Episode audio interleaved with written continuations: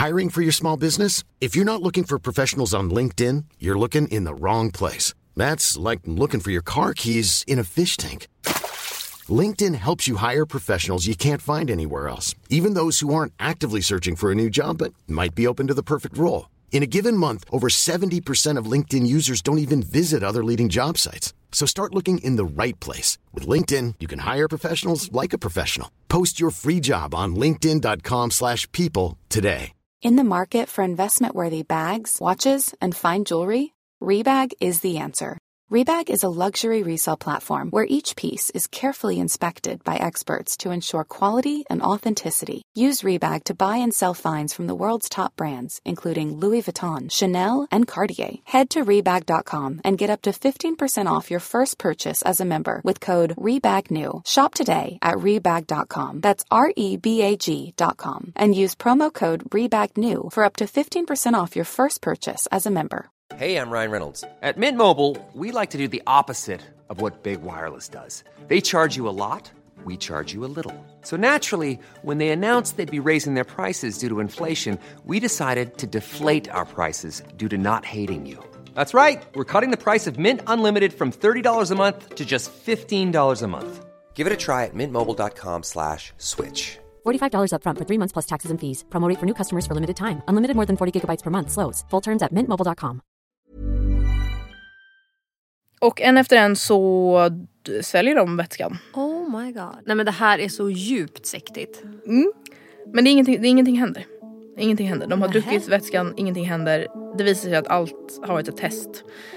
Han har alltså... Han är sjuk i huvudet! Vad i helvete?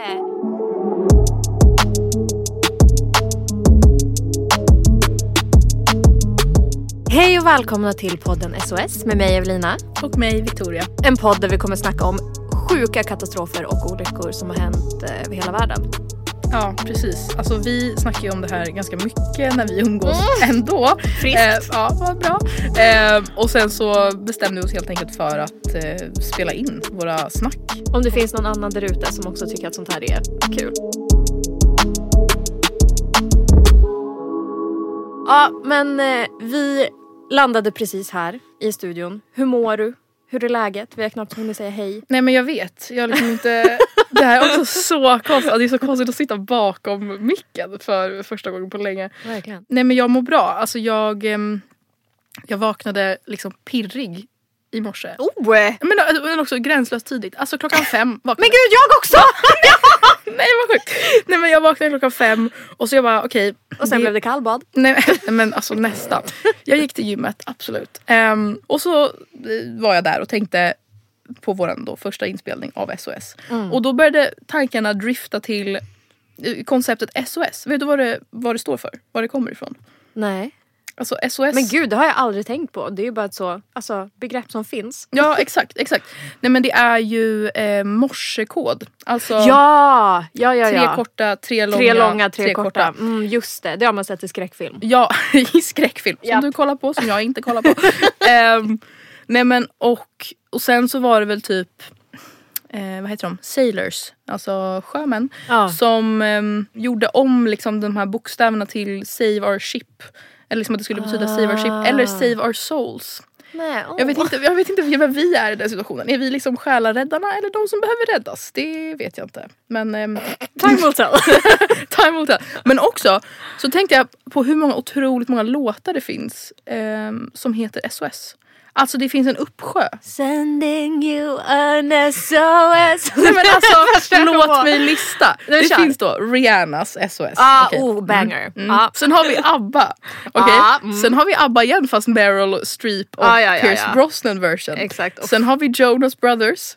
Sen har vi hela SZAs nya album som bara heter SOS. Ja. Så, alltså, nej, men det finns Men hallå, en vad var det jag sjöng på? Var det typ så Idol-Ola? Eller någonting? Jag tror typ det. Jag vet Ah.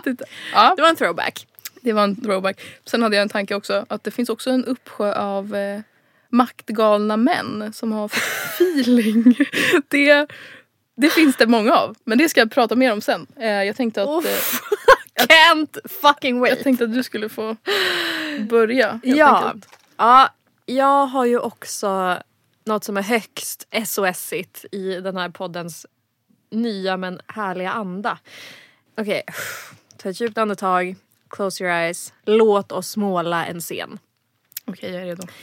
Vi är i Boston 1919.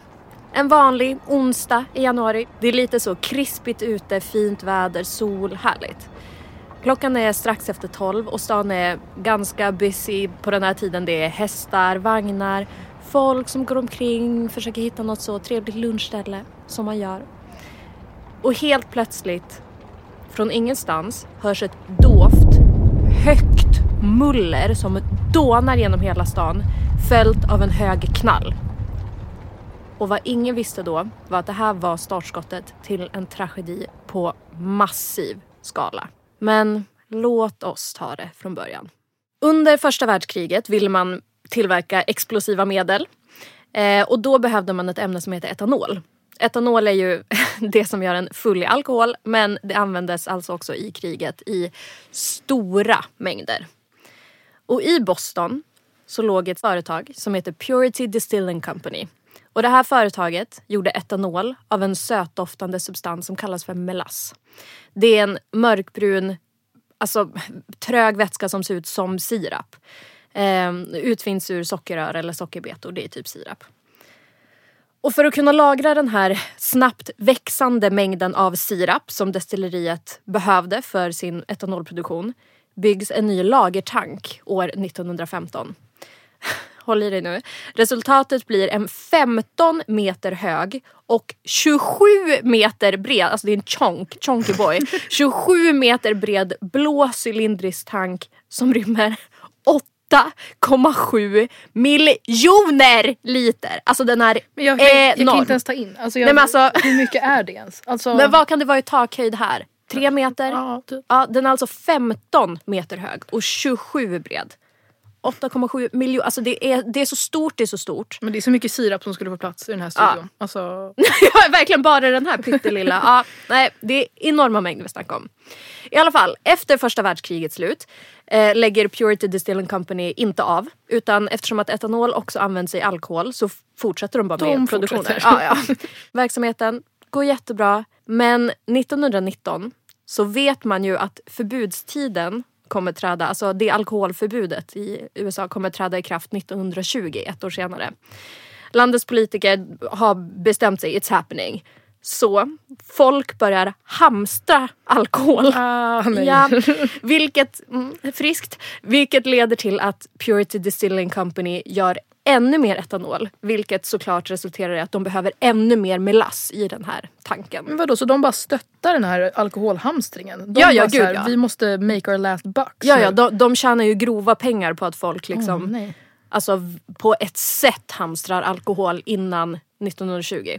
Oh, wow. Ja. Någonstans här bestämmer sig också det här företaget för att sirapstanken ska målas mörkbrun istället för blå som den har varit innan. För att, nu gör jag citationstecken i luften, symboliskt matcha färgen på sirapen i tanken. Man bara, okej fine. Men en av målarna som anlitas för det här jobbet misstänker att företaget har bestämt sig för att måla om den här tanken av en annan anledning.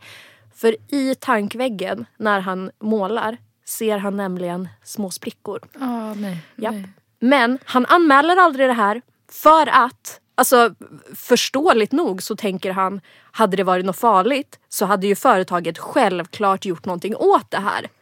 Så han säger ingenting och bara målar över sprickorna. Jag, jag med mina problem i livet. Så måla över sprickorna. Ja, verkligen!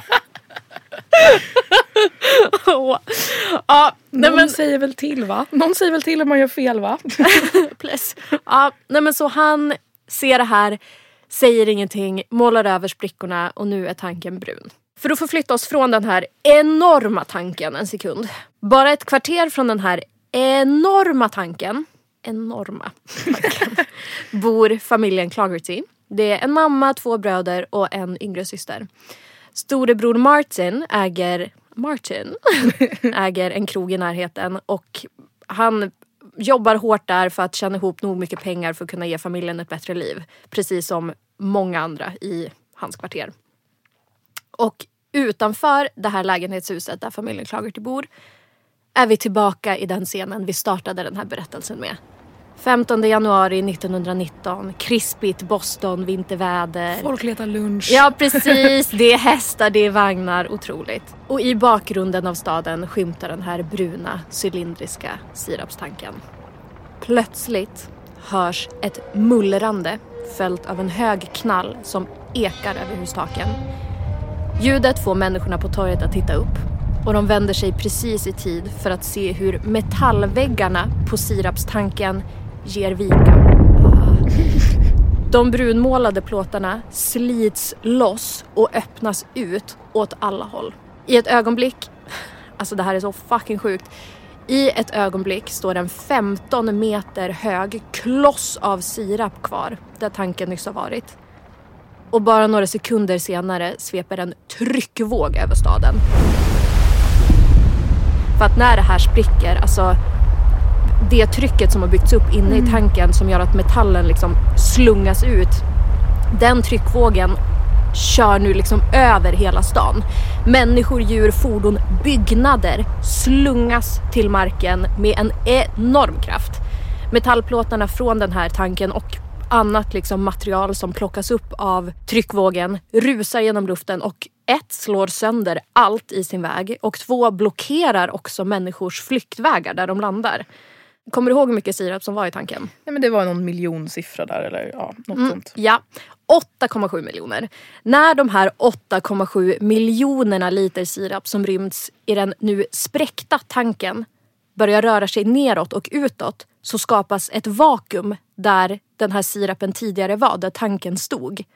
Så allt och alla som nyss kastas omkull av tryckvågen slits nu istället bak av vakuumet som suger in allt. Alltså det är såna otroliga krafter vi pratar om för det här var så stort. Men gud kan vi bara låta de här stackars människorna hitta sin lunch? Alltså det, Men- alltså de, men de, så, så först... Och hästarna. Nej, nej, Ja, prata inte om hästarna. Mm, ja. Mm, men vadå, så, så först liksom kastas de till marken av, alltså inte ens vågen av faktisk materia utan Nej, bara av trycket. Ja, ja, alltså den krossar, alltså den här tryckvågen, det är inte så, ah, den krossar lite rutor. Alltså byggnader.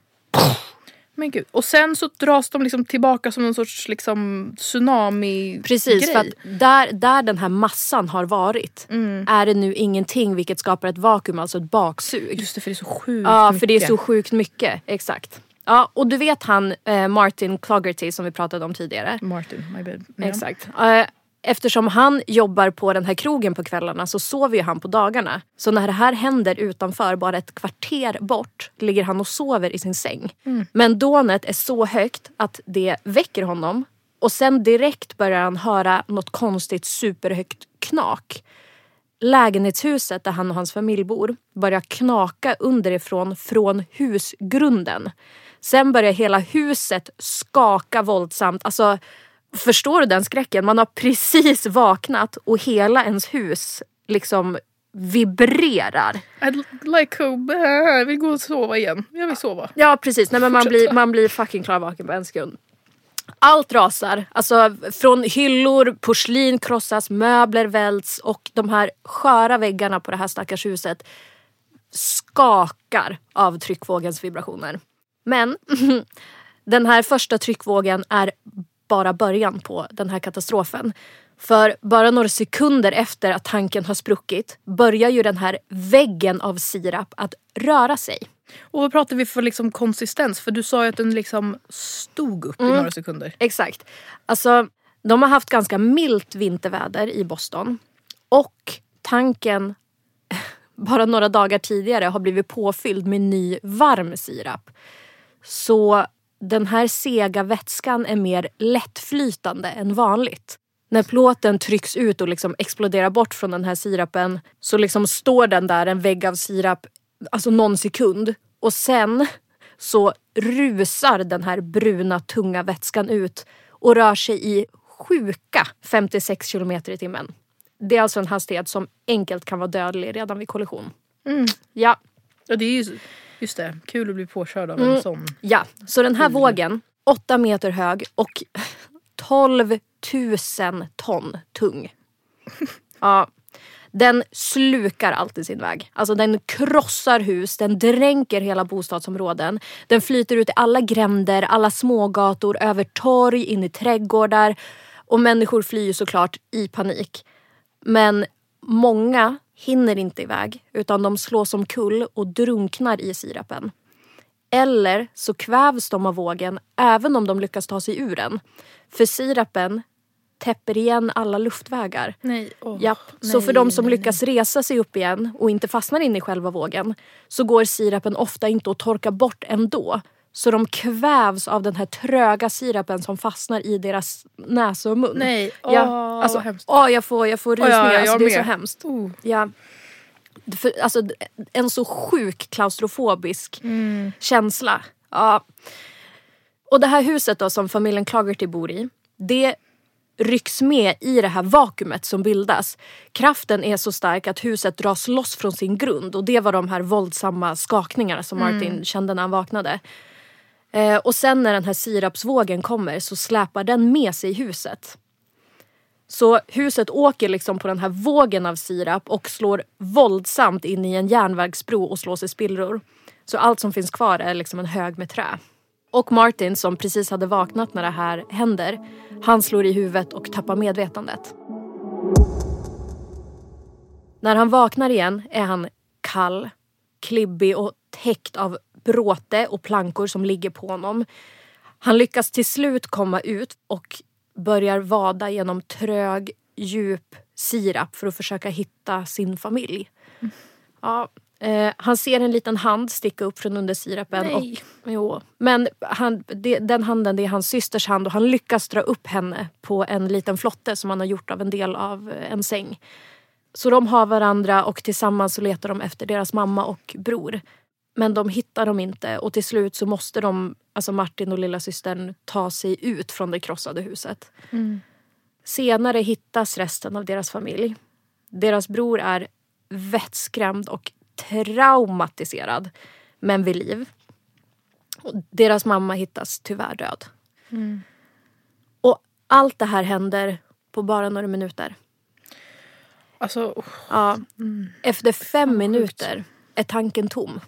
Och flera kvarter i Boston är täckta med kladdig sirap. Nu kommer ju folk ut för att försöka hjälpa till. Marinkåren kommer, polis, sjuksköterskor, brandmän. Och de tänker säkert att det värsta redan är över. Men nu när kvällen närmar sig så sjunker också temperaturerna snabbt. nej, skiten börjar stelna. Exakt. Sirapen börjar stelna. Så de som tidigare hamnat inne under sirapen och kämpar för att ta sig loss känner istället hur sirapen stelnar helt och det blir omöjligt att röra sig. Flera kvävs till döds under den här förhårdnade massan för att de inte kan ta sig ut ur den. Att sirapen stelnar innebär också såklart problem för räddningspersonalen. Den håller bråte som hamnat över skadade människor och människorna själva i ett järngrepp.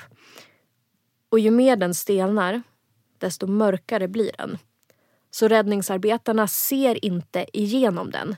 Och människorna som behöver hjälp, som de kanske liksom hade, kunnat få ut innan det stelnar helt, de fastnar djupt där nere under den nu kolsvarta ytan. För ingen kan se vart de är någonstans. Nej, åh, gud. Alltså det, det är så ja, det är så vidrigt.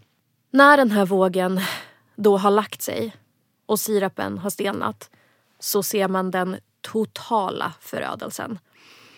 Torget som för bara några minuter sedan varit fullt av liv. Alltså det, gud, jag skrattar inte för att det är kul, jag skrattar för att det är sinnessjukt att för några minuter sedan så var det fullt av liv, hästar, vagnar, folk, lunch, bla bla. Och nu är det täckt av kladd, bilar, bråte och kroppar. Hela byggnader har svepts med i vågen. Den lokala brandstationen har helt kollapsat. Och i den mörka, kletiga sörjan på marken ligger massor av döda människor och djur. Totalt dör 21 människor i den här sirapsvågen och 150 till skadas. Människorna i stan förlorar både anhöriga och sina hem. Och Martin, han hittade ju sin syster och sen så hittades också deras bror. Men deras bror var djupt traumatiserad och 11 månader efter olyckan dör han på ett mentalsjukhus. Martin och systern är övertygade om att hans död beror på det trauma som den här olyckan orsakade. Och såklart så tar företaget som drev destilleriet inget som helst ansvar. Utan alltså det här är, lyssna på det här. De börjar skylla ifrån sig på att de har blivit saboterade av anarkister. Nej, men alltså det är så fucking orimligt. Åh, vad rimligt. Nej, ja, det är så dumt. Det visar sig dock att tanken har varit felbyggd från början. Plåten som användes var för tunn. Och den hade börjat spricka, precis som målaren misstänkte. Vilket företaget visste! De visste det här. Men istället för att göra något åt saken så målade man den brun så att inte sprickor där det läckte sirap skulle synas lika tydligt. Nej men vi får inte heller glömma att det Vad skulle, bra! det skulle också matcha insidan. Ja, ja, ja. Det var ju det de Det skulle tänkte. Symboliskt men- matcha mm. sirapen. Ja. Precis. Nej, de, de, det var det de sa men det det egentligen betydde var att det skulle täcka sprickor de visste fanns. För att det är en mörkare färg så sirapen inte skulle synas. Alltså någonting säger mig att det här är liksom vårt första så evil company som vi stöter på i liksom alla de här berättelserna som vi kommer ta oss igenom. Det Ja, känns som att det finns Vårt första men inte sista. Nej. Kan jag säga. Nej. Invånarna i stan stämmer ju såklart skiten ur det här företaget. Och tre år efter olyckan betalar företaget en summa som motsvarar ungefär 9 miljoner amerikanska dollar i skadestånd. I svensk valuta är det nu ungefär 94 miljoner kronor. Av den summan betalas ungefär 900 000 kronor per dödsoffer ut till de anhöriga. Men kostnaden för att reparera skadorna på staden var 11 gånger så stor som skadeståndet. Den notan uppgick till totalt 86 miljarder svenska kronor. Mm. Men det är såklart ingenting i jämförelse med all den sorg som det här haveriet orsakade. Så, där hade vi en berättelse om 8,7 miljoner liter sirap. Inte det första man tänker på när man tänker på katastrofer kanske, men det här är en av de sjukaste jag vet. In the market for investment worthy bags, watches, and fine jewelry, Rebag is the answer. Rebag is a luxury resale platform where each piece is carefully inspected by experts to ensure quality and authenticity. Use Rebag to buy and sell finds from the world's top brands, including Louis Vuitton, Chanel, and Cartier. Head to Rebag.com and get up to 15% off your first purchase as a member with code REBAGNEW. Shop today at Rebag.com. That's R E B A G.com. And use promo code REBAGNEW for up to 15% off your first purchase as a member. Burrow's furniture is built for the way you live. From ensuring easy assembly and disassembly to honoring highly requested new colors for their award-winning seating, they always have their customers in mind. Their modular seating is made out of durable materials to last and grow with you. And with Burrow, you always get fast, free shipping. Get up to 60% off during Burrow's Memorial Day sale at burrow.com slash ACAST. That's burrow.com slash ACAST. burrow.com slash ACAST. I'm Sandra, and I'm just the professional your small business was looking for. But you didn't hire me because you didn't use LinkedIn jobs. LinkedIn has professionals you can't find anywhere else, including those who aren't actively looking for a new job but might be open to the perfect role, like me.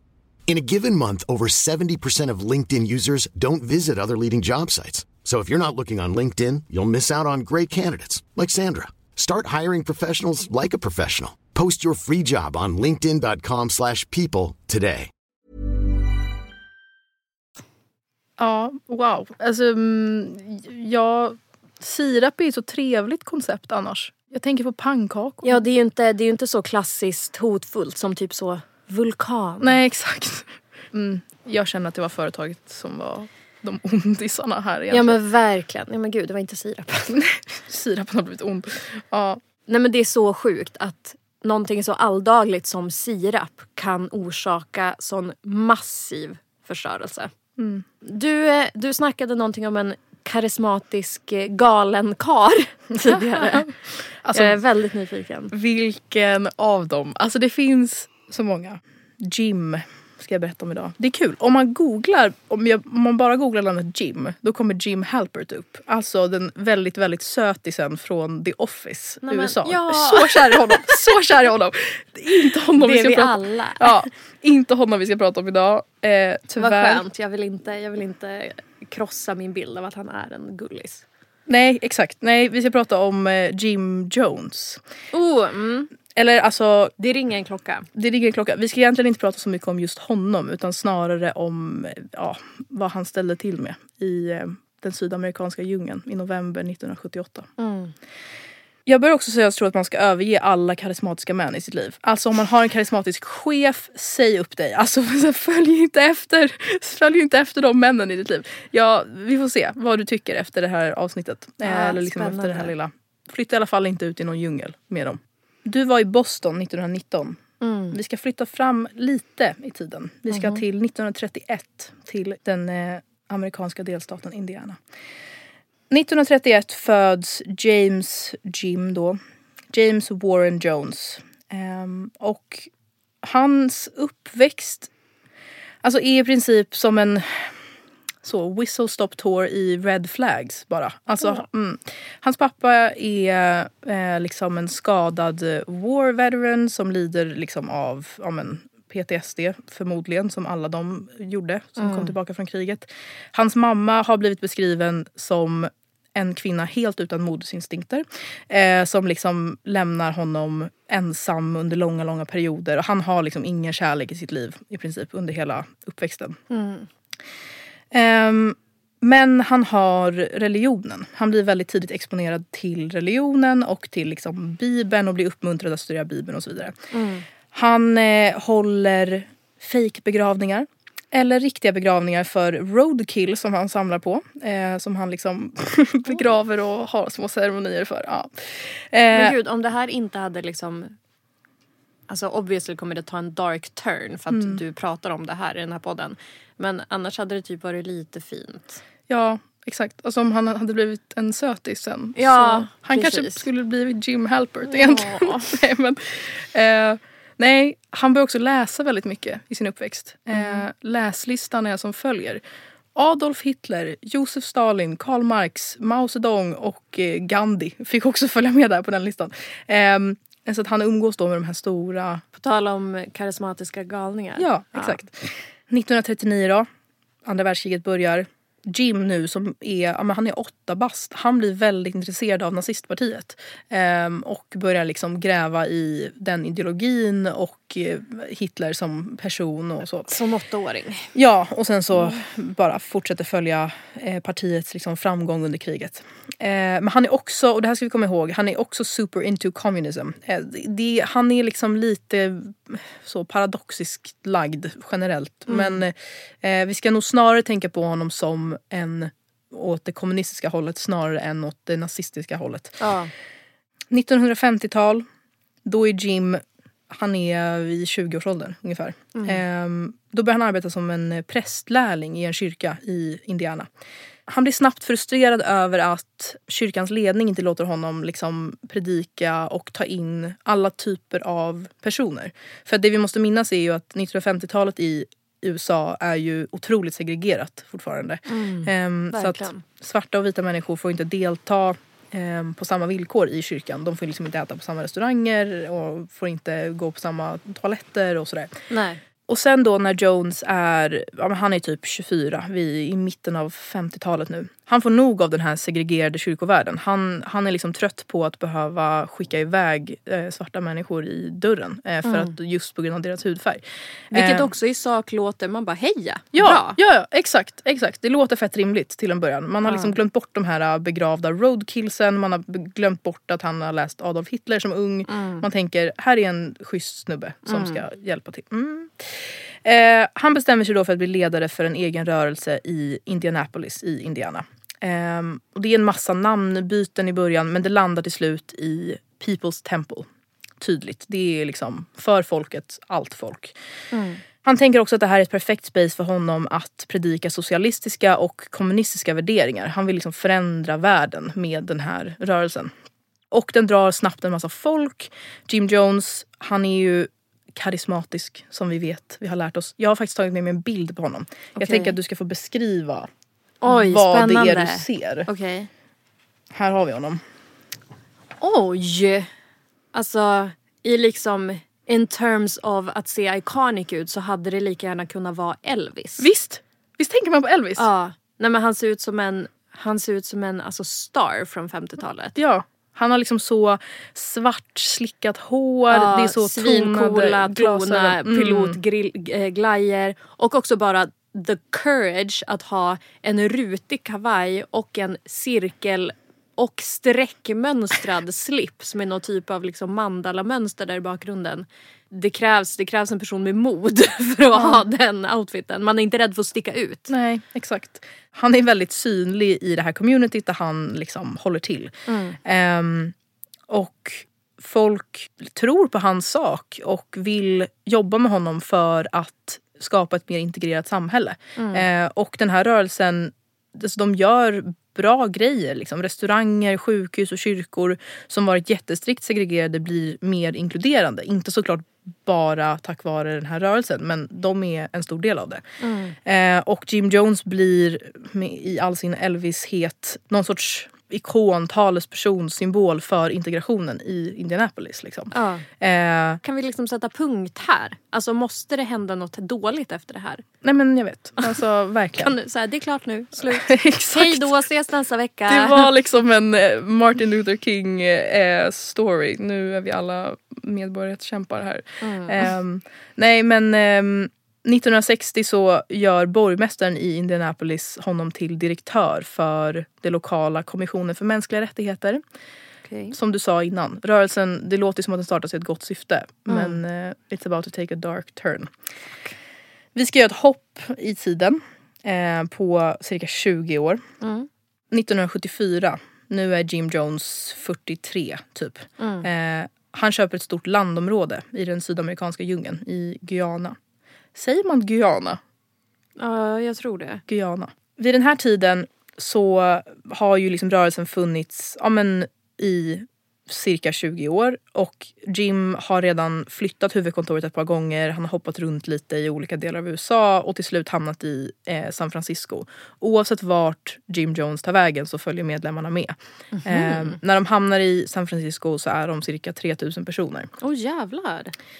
Och nu har han då köpt den här, det här stora Men, land... vänta vadå, så han har liksom, vid det här laget har han 3000 personer som följer med honom när han flyttar på sig? Ja, alltså i princip. Det är ju folk som ansluter vid varje ställe och rörelsen växer. Liksom. Det är klart att folk är ju med i rörelsen även fast de kanske inte flyttar med Ja. hela tiden. Men liksom, totalt så räknar man cirka 3000 personer Ja i jäklar den sjukt. tiden. Mm.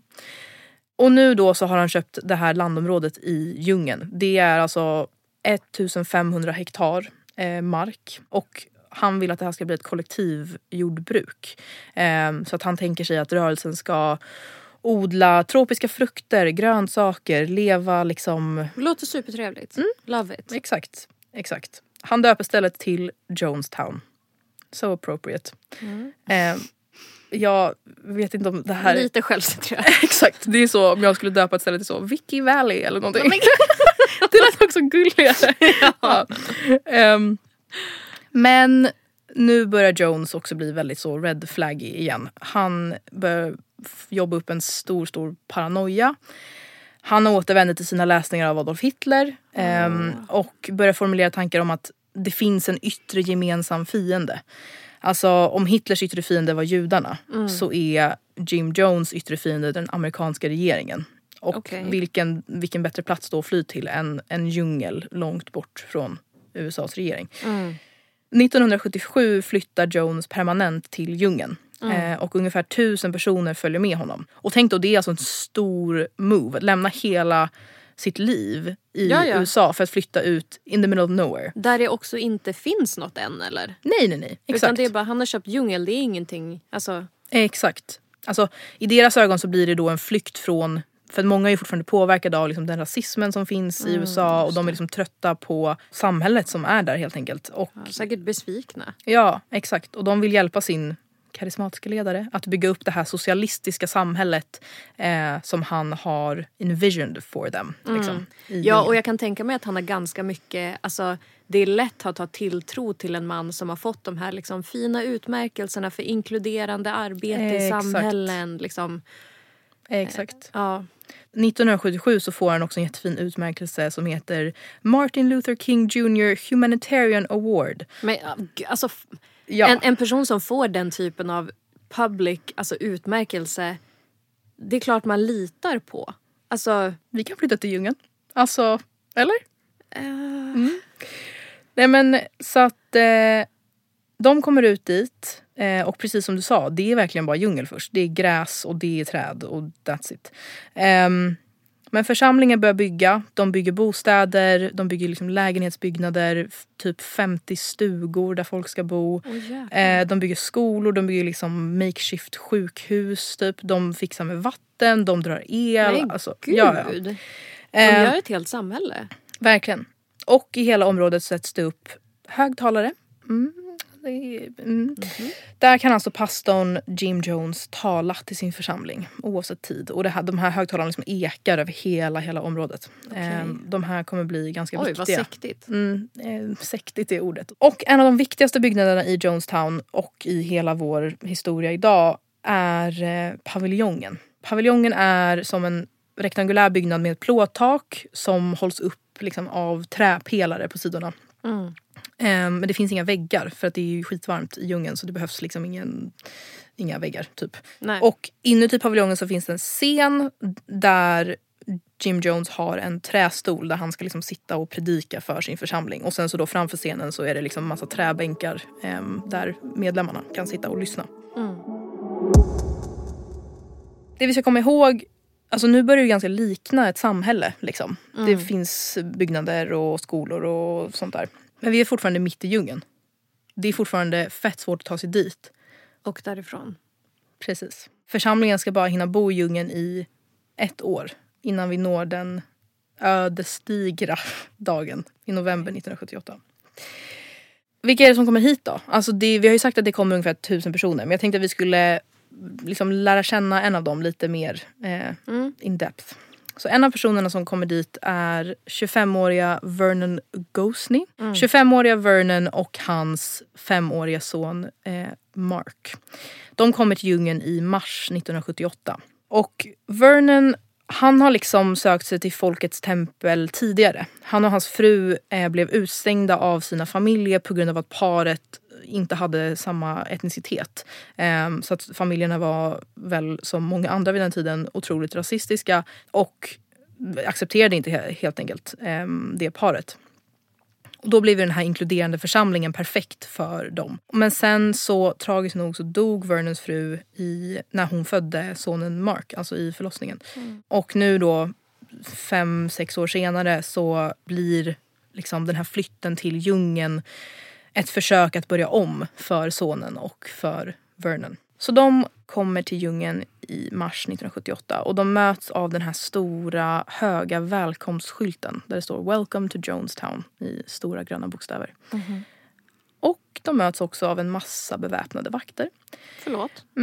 som patrullerar kring hela området. Why? Mm, exakt det undrar pappa Vernon då. Ja, förståeligt. Han kände bara, mm, varför behövs det här? Det här ska ju vara ett fridfullt samhälle, det här ska vara ett jämställt samhälle.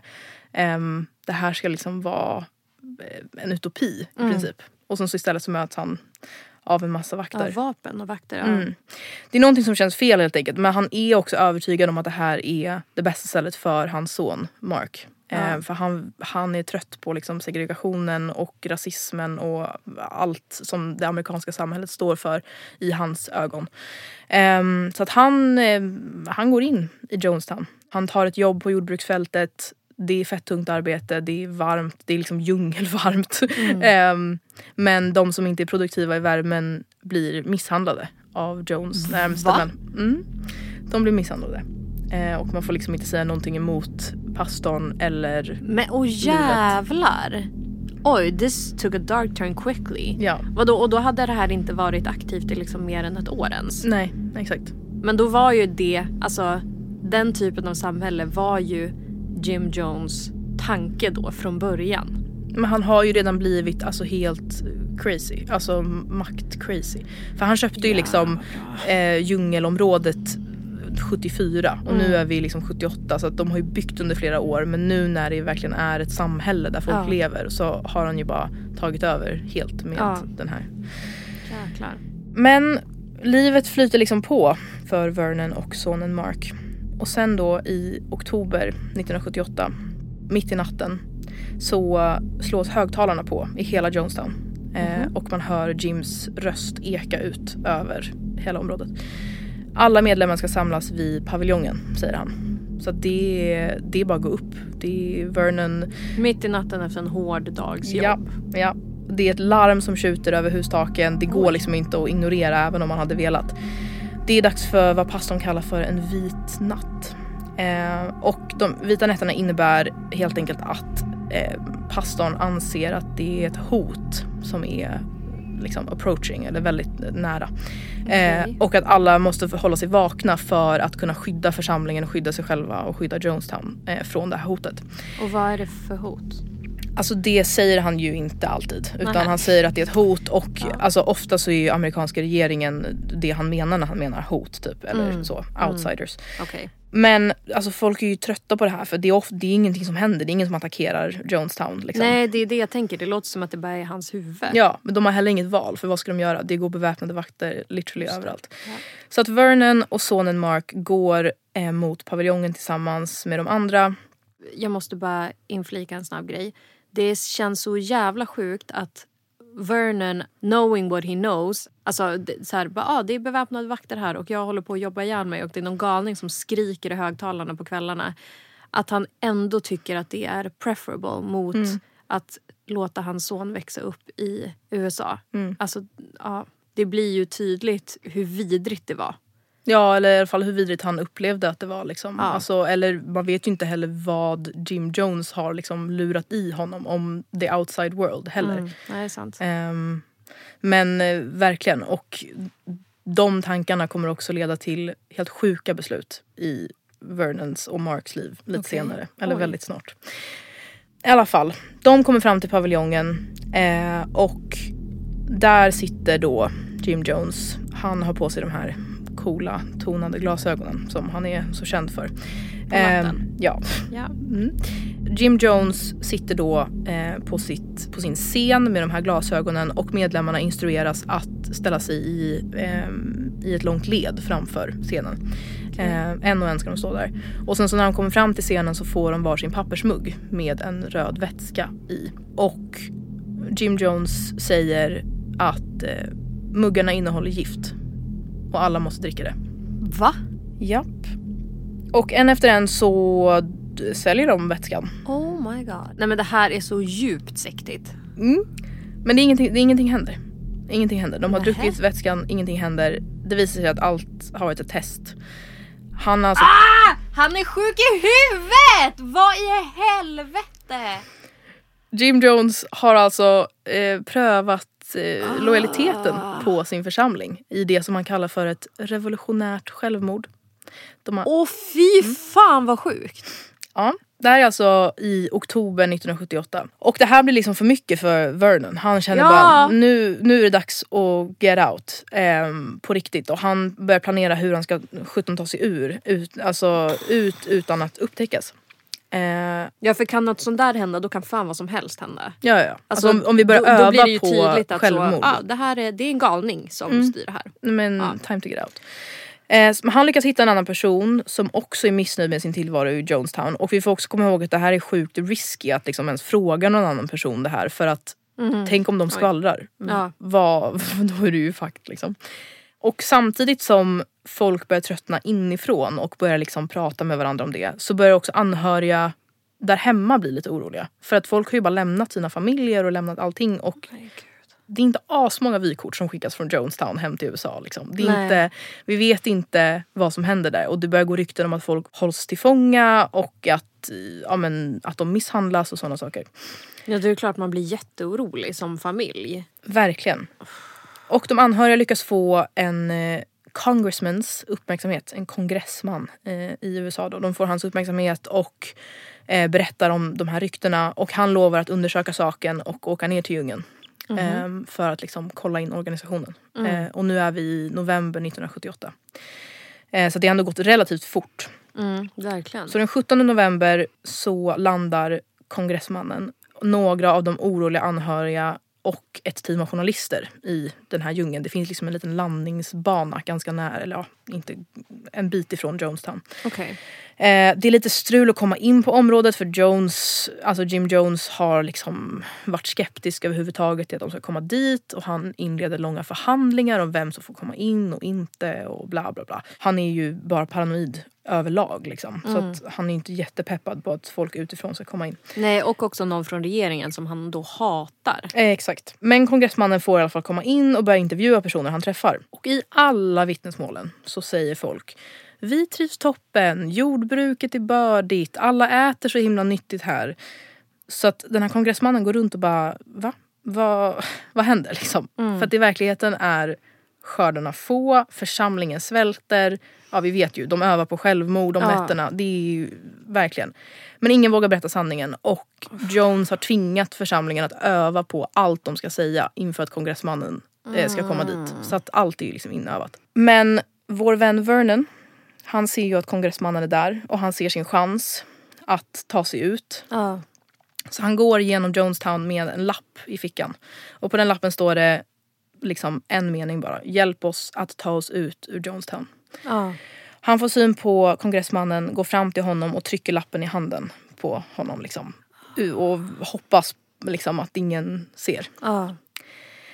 Och den här lappen får såklart kongressmannen att bli ännu mer misstänksam. Eh, och han frågar direkt människorna runt omkring sig om det är någon som vill lämna djungeln. Ja. Ehm, och de som vill åka erbjuds plats på hans flygplan som kommer lyfta från Guyana dagen efter, alltså den 18 november 1978.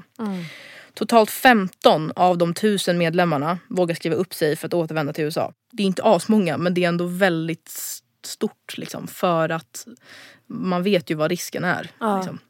Men man tänker att om man åker med kongressmannen så borde man vara safe. Ja. Eller? ja, det hade jag tänkt. Ja, visst. Nu måste Vernon eh, bestämma sig.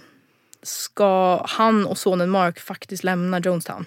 Mm. Han tittar på sin son och vi vet ju hur Vernon tänker kring liksom, the outside world. Han tänker att den är hemsk. Liksom. Ja.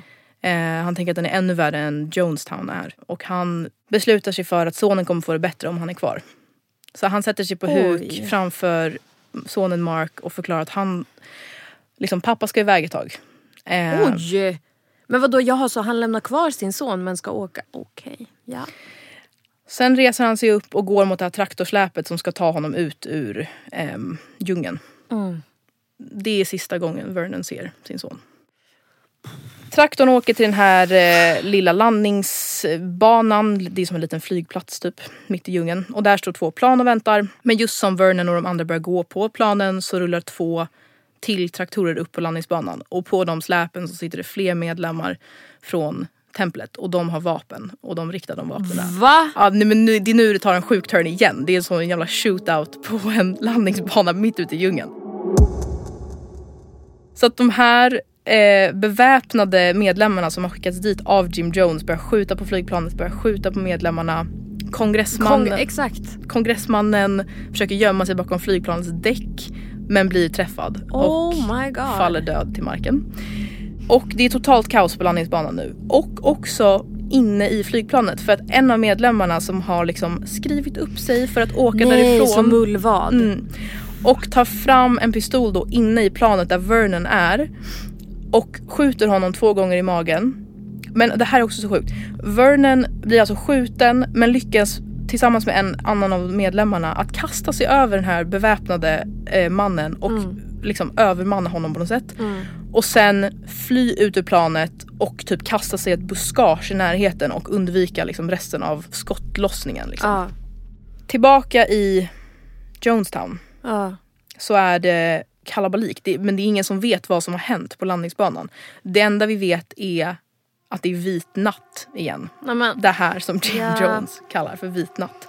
Eh, så att alarmet eh, låter över hela över hela mm, Jonestown. Alla ska samlas i paviljongen. Ja, du minns den stora byggnaden.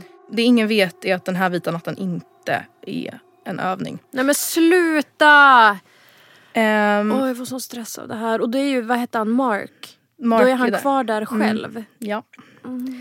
Jones sitter i sin trästol uppe på scenen och börjar predika. Och det sjuka här är att alltså hela den här sista predikningen är inspelad. How very much I've loved you. How very much I've tried my best to give you the good life. Hmm. But in spite of all of that I've tried, a handful of our people, with their lives, have made our life impossible. There's no way to detach ourselves from what's happened today. Pastorn sitter där uppe på scenen och säger till sin församling, jag har försökt ge er ett bra liv. Eh, Men trots det så finns det medlemmar här som vill förstöra för oss och som liksom konspirerar with the enemy, typ. Eh, och sen så säger han, om vi inte får leva i fred så måste vi dö i fred. If we can't live in peace, then let's die in peace.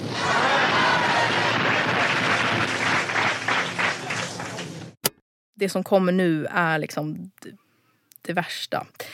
Eh, för att i, vid ett bord utanför paviljongen så eh, står några av medlemmarna och häller upp vatten i stora tunnor. Eh, och i de här tunnorna så hälls det i ett pulver som kallas för flavor aid som gör att det blir rött, den här vätskan blir röd. Eh, det är samma vätska som de drack på den här fake eh, vita natten. Skillnaden är att eh, den här gången så blandas också två andra ingredienser ner i, i vätskan. Eh, sömnmedel och cyanid. De tvingas helt enkelt att eh, dricka det här. Men hur blir de tvingade till det? Ja, alltså Jones predikar ju där framme vid scenen. Ja. Ehm, och börjar snacka om eh, liksom att de nu ska dö för att eh, det är deras värdighet typ och att de måste få dö i fred liksom. Eh, och församlingen blir förtvivlad och bara så här, men ska vi inte skona barnen åtminstone? De är så himla små. Och då säger han, förtjänar inte de också frid? Och så bestämmer han sig för att det är barnen och ungdomarna som ska dricka först. Så de ska kliva fram till den här scenen och få um, liksom pappersmuggarna med den här saften. Och den första personen som kliver fram är en ung kvinna med sin ettåriga bebis. Ehm, och sen så får de de här pappersmuggarna och sen så får hon en plast, eh, som en plastspruta, alltså utan nål liksom. Bara för att hon ska kunna ta upp vätskan och spruta in i bebisens mun. Och eh, ja, det är allt fler barn som, som tar det och den här vätskan smakar liksom tvål typ. Och man väntar en liten stund och de vet liksom inte om det här är på riktigt nu eller inte. Nej. Ehm, De hoppas säkert att det är en till. exakt. Men sen efter en stund så börjar det liksom bildas vitt skum runt barnens munnar och de börjar skrika. Gud. och liksom vrida sig i smärta i ja, de här... Ja. Så det är helt enkelt inget test den här gången. Ehm, utan de vuxna tvingas se på medan deras barn ehm, liksom kvävs till döds av det här giftet. Och bland de första barnen som tvingas ta cyanidsaften är ehm, femåriga Mark. Alltså Vernons son som blev lämnad av sin pappa. För att pappan trodde att han skulle vara tryggare där. Exakt. Åh jävlar. Trots då att folk ser hur de här barnen dör så är det ingen som flyr. För det är ingen som kan fly. För att runt paviljongen så har Jim Jones vakter ställt sig. Och de här vakterna har alltså armborst med sig. Oj. Alltså armborst och ja, olika typer av skjutvapen riktade mot medlemmarna som står där inne med eh, cyanidsaften. Eh, så de, de har liksom inget val. Antingen tar de giftet eller så skjuts de till döds. Ja. Bara för att liksom måla upp den här scenen eh, så är vi liksom i den här paviljongen. Pastorn pratar liksom oavbrutet nästan hela tiden. Han hör hur folk skriker och folk ligger och vrider sig och dör.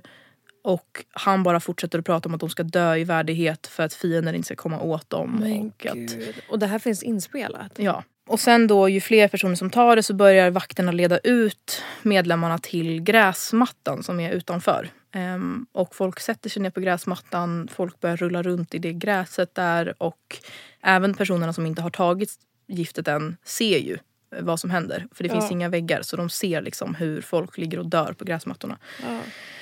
Och till sist så har alla tagit det. Eh, oavsett liksom vad de själva vill. Och när Jim Jones ser att alla i församlingen har avlidit så tar han fram en pistol ur sin ficka. Eh, höjer den mot huvudet och eh, ler. Och sen, Okej. och sen håller han in avtryckaren. Oj. Och sen är det liksom tyst i Jonestown.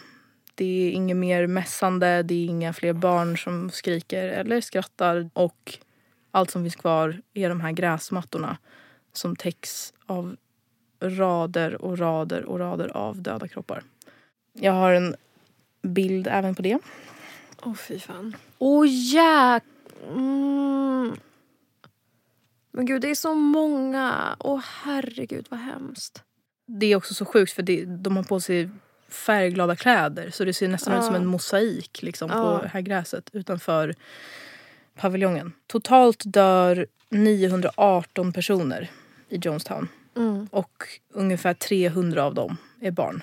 Alltså det är några få som överlever ehm, och det är för att de slumpmässigt har blivit beordrade att typ lämna Jonestown av Jim Jones innan allt det här började för typ politiska eller affärsmässiga uppdrag. Alltså de har blivit bortskickade men tanken var hela tiden att de skulle komma tillbaka. Mm. Och det var några som lyckades på något sätt fly ut i djungeln. De här kropparna upptäcks av eh, lokala invånare, alltså inte från Jonestown utan från liksom, Närliggande byar och sånt. exakt eh, dagen efter katastrofen, den Ja. 19 november 1978. Och sen en dag senare så kommer amerikanska myndigheter dit. Och eh, det är liksom slutet på historien om Jonestown där i djungeln. Ehm, vår vän Vernon som var 25 år då. Han eh, räddas från den här landningsbanan där han ligger skottskadad. Ja, så han klarar sig även fast han, Han klarar sig. gånger. Och eh, han flyttar sen till Hawaii och utbildar sig till polis och liksom försöker ta sig vidare i livet. Men eh, han kommer ju såklart aldrig över att han har lämnat sin son Nej. där. Nej. Ehm, efter den här massakern så blir uttrycket Don't drink the Kool-Aid Mm. väldigt populärt eh, i USA men också i resten av världen. Ehm, Jag visste inte att det kom därifrån. Men jag, Ja. jag har förstått det som att det är typ så. Var inte så gullible. Alltså var inte Exakt, lättlurad. var inte naiv, var inte lättlurad. Exakt. För att, och det är ju för att Kool-Aid är liksom det här um, pulvret. Fast det riktiga pulvret som de använde hette Flavor Aid. Så att de, det märket fick sig en känga. Ehm, men exakt, det betyder liksom var inte lättlurad ehm, i princip. Men det är också många som har tagit väldigt illa upp. Ja precis, det blir vidrigt om man vet att det kommer därifrån. Ja, för det handlade inte om att de var lättlurade utan det handlade om att de blev literally tvingade till Ja. att ta livet av sig. För att de liksom hamnade under kontrollen av den här maktgalna Jim Ja. Jones. Så det är, också, det är också en av debatterna som har haft. Liksom, för det, det är ju det största kollektiva självmordet i världshistorien. Men jag vet inte. Men var det självmord? Exakt. Ja. Eller är det bara ett rent av massmord liksom, Ja. i och med att de tvingades.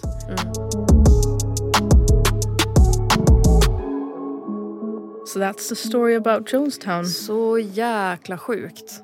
Alltså jag visste lite grann av det här innan men inte alls så här detaljerat. Nej. Så jäkla galet. Men det är också så sjukt att det tar så många turns i bara Först så liksom flyttar de dit och det ska vara någon socialistisk utopi. Ja. Och sen så blir det en shootout på en landningsbana Ja, vad är mitt det i som djungeln. pågår? Nej, alltså, det är Men- som att någon har skrivit det som en amerikansk film. Typ. Alltså, Men, och det är också så offensive att det är så don't drink the Kool-Aid. Alltså, folk som var less på att leva i ett segregerat vidersamhälle träffar en man som säger jag har fått de här utmärkelserna för att jag är en nice dude som tycker att alla är lika mycket värda. Häng med mig och min härliga kyrka. Alltså hur fan skulle de ha vetat? Nej, exakt.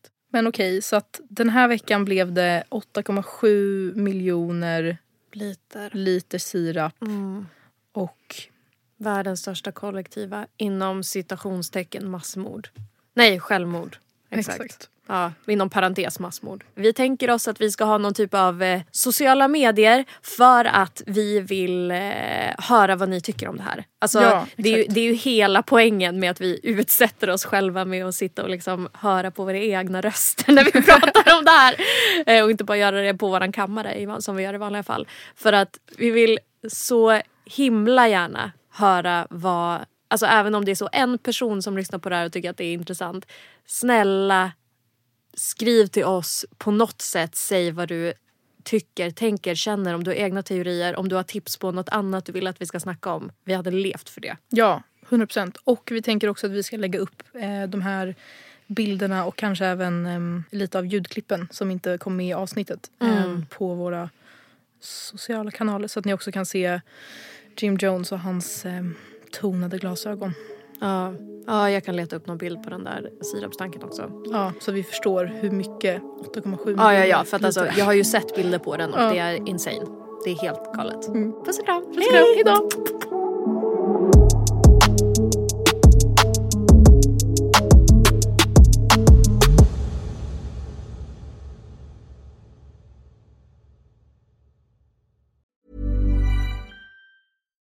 Deserves the best, and there's no better place to shop for Mother's Day than Whole Foods Market. They're your destination for unbeatable savings, from premium gifts to show-stopping flowers and irresistible desserts. Start by saving 33% with Prime on all body care and candles. Then get a 15-stem bunch of tulips for just $9.99 each with Prime. Round out Mom's menu with festive rosé, irresistible berry chantilly cake, and more special treats. Come celebrate Mother's Day at Whole Foods Market. I'm Daniel, founder of Pretty Litter. Did you know cats tend to hide symptoms of sickness and pain? I learned this the hard way after losing my cat, Gingy. So I created Pretty Litter, a health monitoring litter that helps detect early signs of illness by changing colors, saving you money and potentially your cat's life. Pretty Litter is veterinarian developed, and it's the easiest way to keep tabs on your fur baby's health right at home. Go to prettylitter.com and use code ACAST for 20% off your first order and a free cat toy. Terms and conditions apply. See site for details. When you make decisions for your company, you look for the no brainers. If you have a lot of mailing to do, stamps.com is the ultimate no brainer. Use the stamps.com mobile app to mail everything you need to keep your business running with up to 89% off USPS and UPS. Make the same no brainer decision as over 1 million other businesses with stamps.com. Use code PROGRAM for a special offer. That's stamps.com code PROGRAM.